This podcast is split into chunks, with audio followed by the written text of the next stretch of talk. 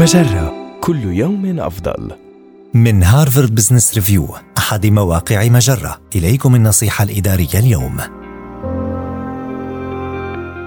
إذا أردت أن تكون قائداً قوياً فلا تحاول إخفاء نقاط ضعفك. ما السمات التي تميز القادة الأقوياء؟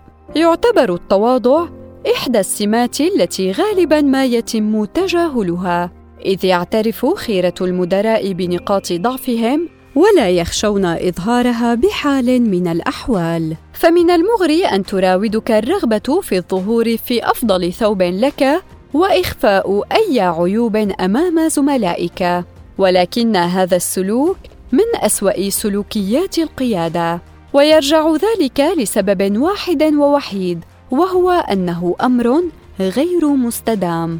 فكلنا بشر وكلنا نرتكب أخطاء وسترتكب أنت أيضا اخطاء إن عاجلا أو اجلا.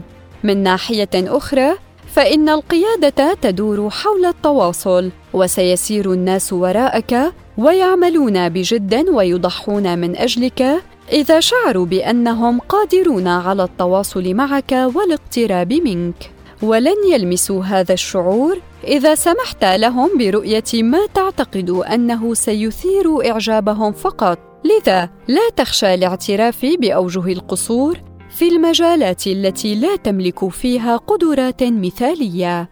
وإذا كان ذلك مفيدا ففكر في الأمر بالطريقة التالية. أنت لست ضعيفا وإنما لديك نقاط ضعف وهما أمران مختلفان.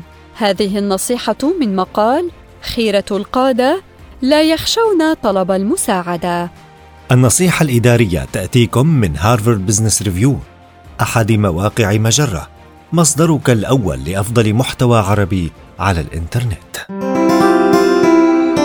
مجرة كل يوم أفضل.